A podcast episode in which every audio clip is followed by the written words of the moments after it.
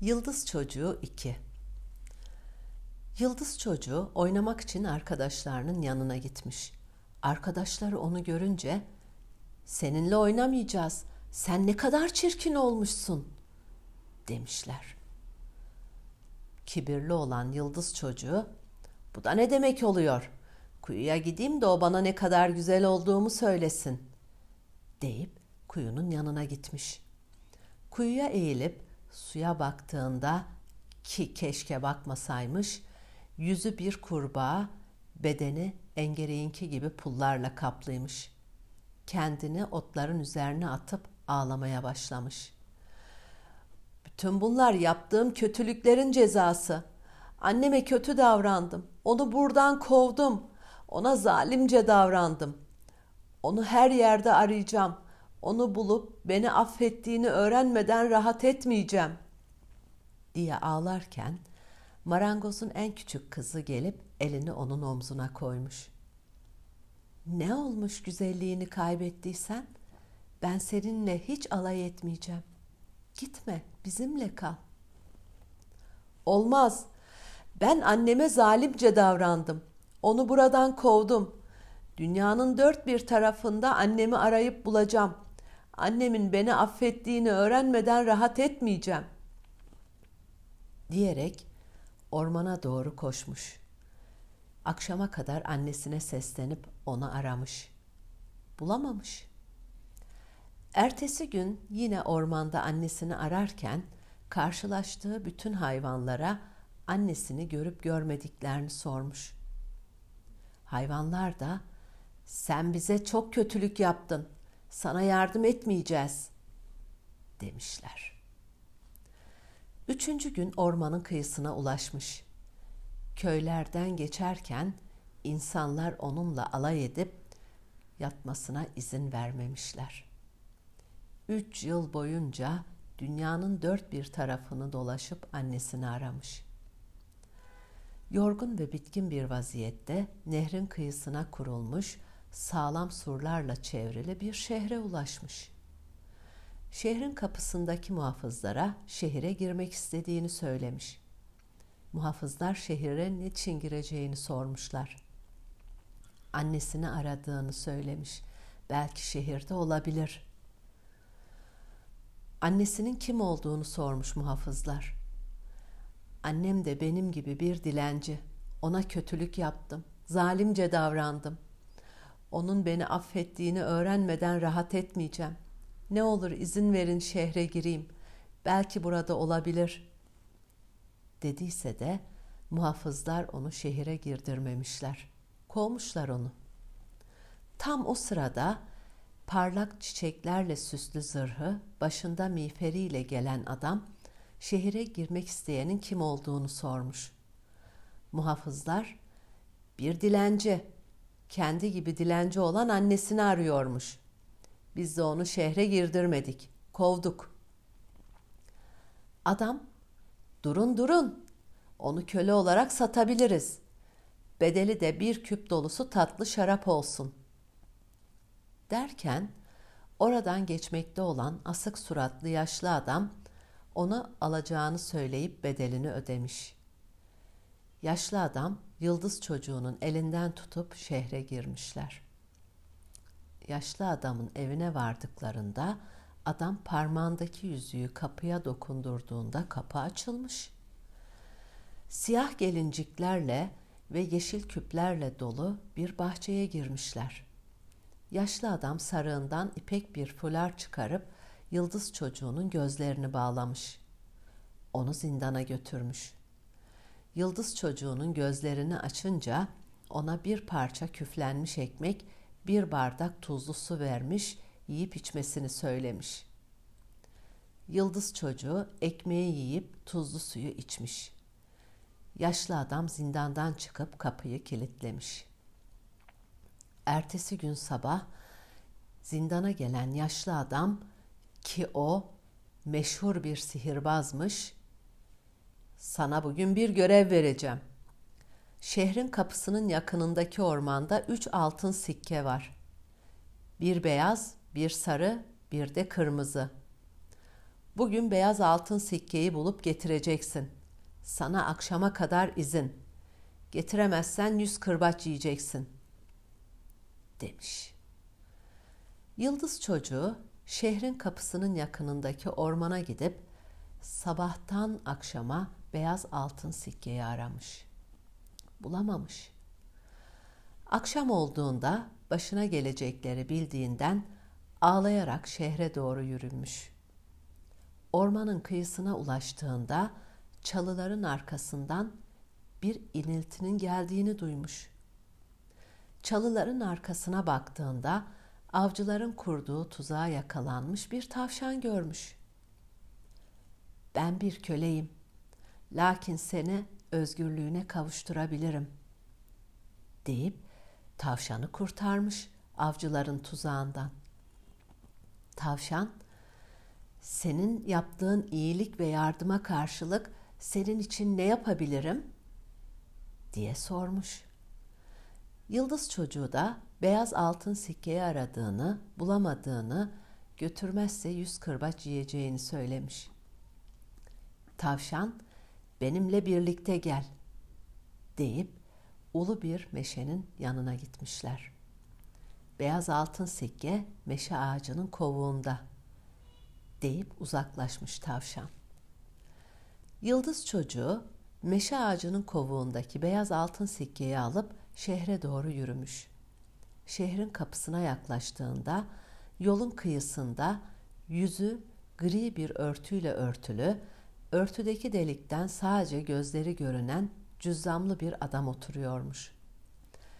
Adam yıldız çocuğu görünce elindeki çıngırağı tahta çanağına vurup ''Çok açım, beni şehirden attılar, bana biraz para ver de karnımı doyurayım.'' diye yalvarmış.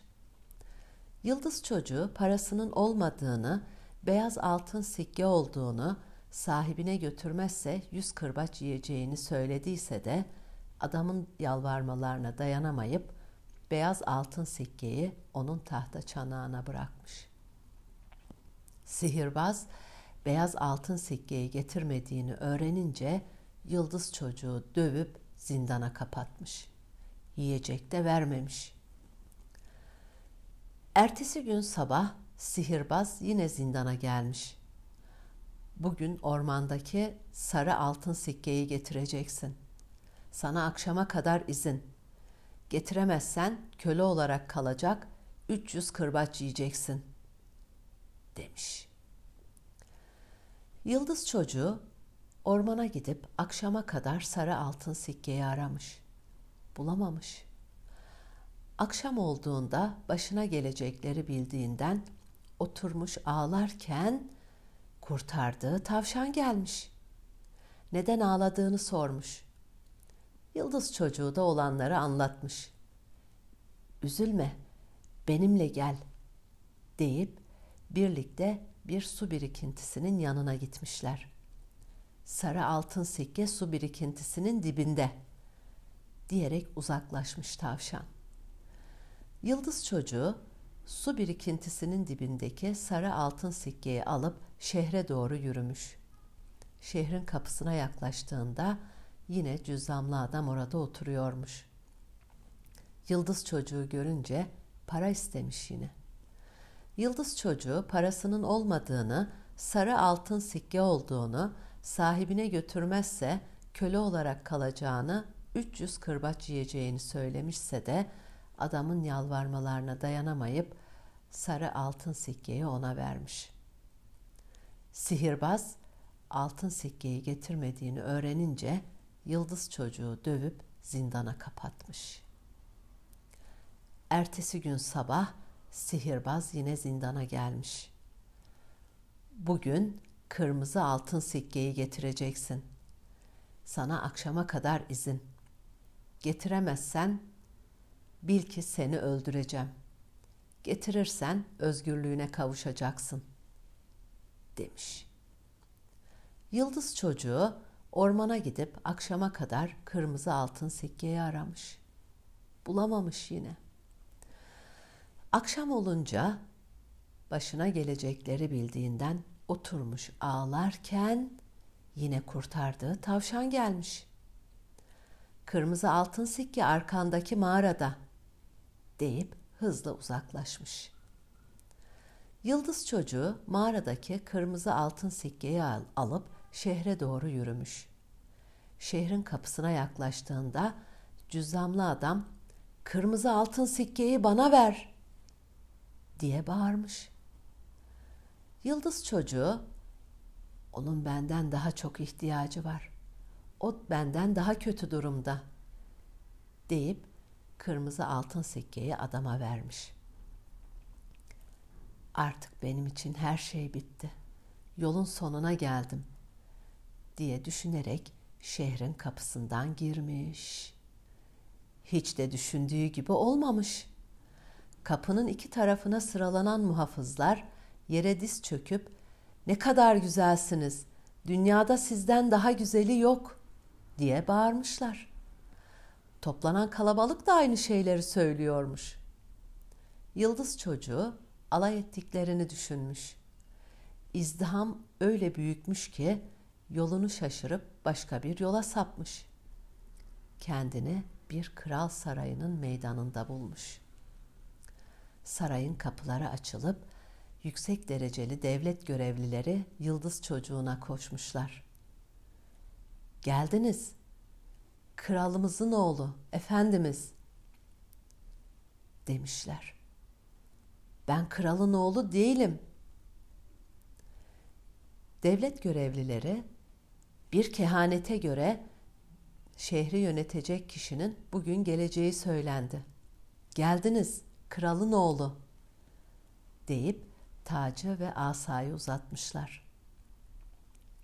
Yıldız çocuğu, ben kralın oğlu değilim, ben bir dilenciyim, annem de benim gibi dilenci, üstelik güzel değilim dediği anda hani o kapıda parlak çiçeklerle süslü zırhı ve miğferi olan adam var ya, o parlak kalkanını yıldız çocuğun önüne tutup güzel olmadığınızı nasıl söylersiniz diye bağırmış. Yıldız çocuğu kalkana baktığında gözlerine inanamamış. Yine eskisi gibiymiş. Bir tek fark varmış. Gözleri, bakışları farklıymış. Ben kralın oğlu değilim. Ben bir dilenciyim. Annem de benim gibi bir dilenci. Ona zalimce davrandım. Ona kötülük yaptım. Onu arayıp bulacağım. Annem beni affedene kadar rahat etmeyeceğim. Bu tacı ve asayı alamam." deyip arkasını dönmüş. Şehrin kapısına doğru yürüyecekken kalabalığın arasında dilenci kadını ve cüzzamlı adamı görmüş. Sevinç çığlığı atıp dilenci kadının yanına koşmuş. Ayaklarına kapanmış. Dilenci kadının ayaklarındaki yaraları öpüp gözyaşlarıyla ıslatmış. Anne, kibirli zamanımda seni reddettim. Sana düşmanca davrandım. Sen bana merhamet et. Seni reddettim. Sen beni bağrına bas. Ne olur anne." diye yalvardıysa da dilenci kadın tek kelime etmemiş. Bu kez cüzzamlı adamın ayaklarına kapanıp size üç kez merhamet ettim. Ne olur anneme söyleyin bana bir tek kelime söylesin. Dediyse de cüzzamlı adam da tek kelime etmemiş. Tekrar annesine anne ızdırabım taşıyabileceğimden çok fazla. Ne olur bir kez beni affettiğini söyle ki ormana döneyim. Dediğinde dilenci kadın elini yıldız çocuğunun başına koyup kalk demiş. Cüzzamlı adam da elini yıldız çocuğunun başına koyup kalk demiş. Yıldız çocuğu ayağa kalktığında gözlerine inanamamış. Meğer onlar kral ve kraliçeymiş. Kraliçe, merhamet ettiğin adam senin baban demiş. Kral da ayağındaki yaraları öptüğün kadın senin annen diyerek yıldız çocuğunun boynuna sarılıp öpmüşler. Saraya girmişler birlikte. Yıldız çocuğunun güzel giysilerle giydirilmesini söylemişler. Sonra da yıldız çocuğunun başına tacı takıp eline asayı vermişler. Yıldız çocuğu şehre hükmetmeye başlamış. Merhametli ve adaletliymiş. Kötü sihirbazı şehirden kovmuş. Kendini büyüten oduncu ve ailesine değerli hediyeler gönderip çocuklarına onur payeleri vermiş. Her bir insana adaletli, merhametli ve sevgiyle yaklaşıyormuş. Onlara da bunu öğretiyormuş. Bir tek kuşa bile zarar vereni affetmiyormuş. Şehirde aç olanı doyuruyor, çıplak olanı giydiriyormuş. Şehirde bolluk ve bereket varmış. Lakin yıldız çocuğu annesinin kendisini affetmesine kadar geçen sürede çektiği acısı ve ızdırabı o kadar derinmiş ki üç yıl sonra ölmüş. Ondan sonra şehre hükmeden hükümdar şehri kötü ve zalimce yönetmiş. Müzik